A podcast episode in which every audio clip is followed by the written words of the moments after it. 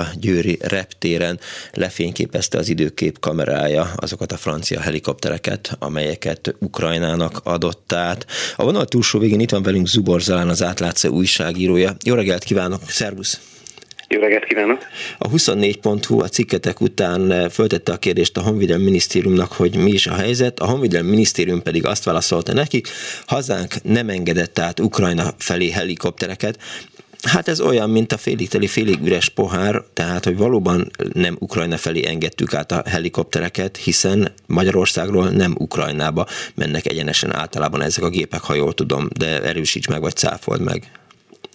Ez valóban így van, a, nem a magyar-ukrán határon mennek át ilyen jellegű szállítmányok, tulajdonképpen minden Ukrajnába irányuló katonai szállítmány az Lengyelországon keresztül lép oda be, ez egyszerűen ennek logisztikai okai vannak, a, arra fele vannak tulajdonképpen a legnagyobb szárazföldi közúti útvonalak, Resóv városa az, ahol ezek általában kipakolásra kerülnek, és onnan mennek tovább közúton Levivbe. A tegnapi cikketeknek mi volt az előzménye? Egyszerűen csak észrevette valaki, hogy az időkép kép kamerája, kameráján ott vannak francia helikopterek?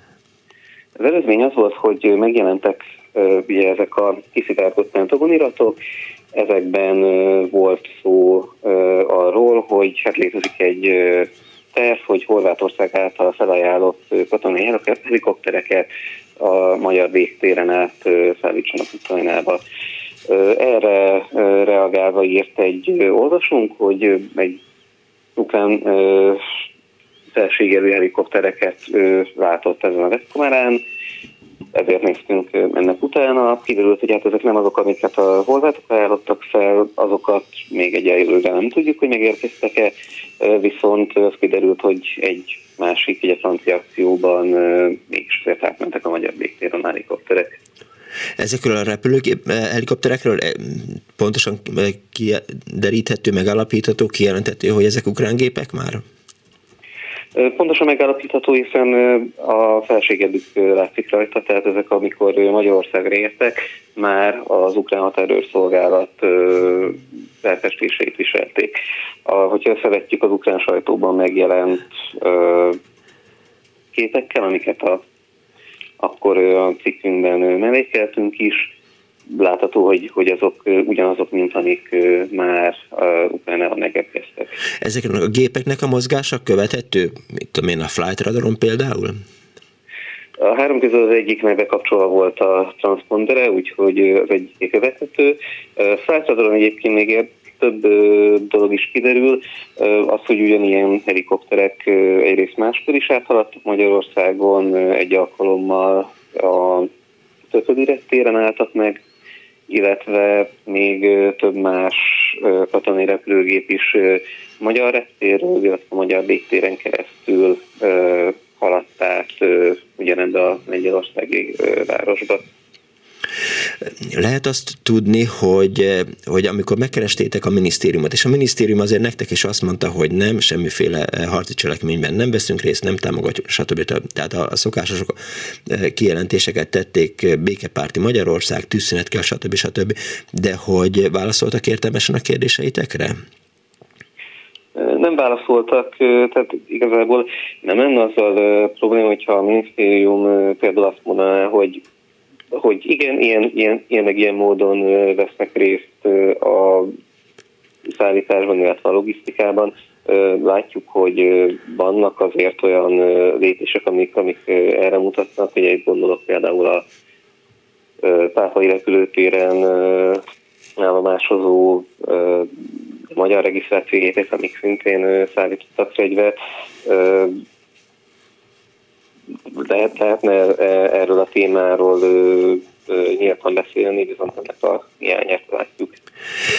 Igyekeztek ezeket az akciókat eltitkolni?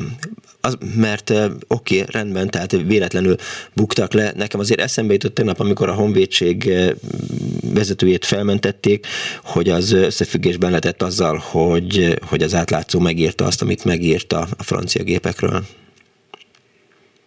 Ugye a HVG cikkét olvasok, azért azt írják, hogy ez már egy januárban megszületett döntés volt, a valószínűleg csak egy beesés, hogy, hogy pont most sikerül bejelenteni. És ott van a kérdésnek az eleje, hogy ezek mennyire titkos akciók, vagy mennyire titkos repülések? Úgyhogy megnézzük, a, tehát van, vannak az ilyen akciók között titkosak is, és kevésbé titkosak, tehát vannak. Azért azt látjuk, hogy olyan országok, amik teljesen titokban szállítanak Ukrajnának fegyvert, ugye például Olaszország és Bulgária. Nagyjából csak annyit lehet tudni, hogy hogy van valamilyen katonai együttműködés, de ennek a részleteit nem közlik. A, most például ugyan ezek azok az országok, amik egyébként magyar légteret rendszeresen használják a, a repülőgépeik szintén arra, hogy, hogy Zsesó repülőterére vigyenek valamit. Az, hogy micsodát, azt nem tudjuk. Más országok egyébként meg teljesen tehát nyíltan szállítanak fegyvert. Az a jellemző egyébként, hogy a, ezek, ez a kormányok hát általában nem, nem titkolóznak, mert nem tartják szégyelni valónak. Értem. Magyarország meg... Hát mond valamit, ne azt nézzék, hogy, hogy mit csinálok, hanem azt, hogy mit mondok, vagy mond valamit, és akkor azt kell figyelni, hogy mit csinál. Nagyon szépen köszönöm Zubor Zalának, az átlátszó újságírónak, hogy rendelkezésünkre állt, és oknyomozó munkájáról beszámolt a Klubrádió hallgatóinak. További jó munkát kívánok! Én köszönöm, viszont hallásra!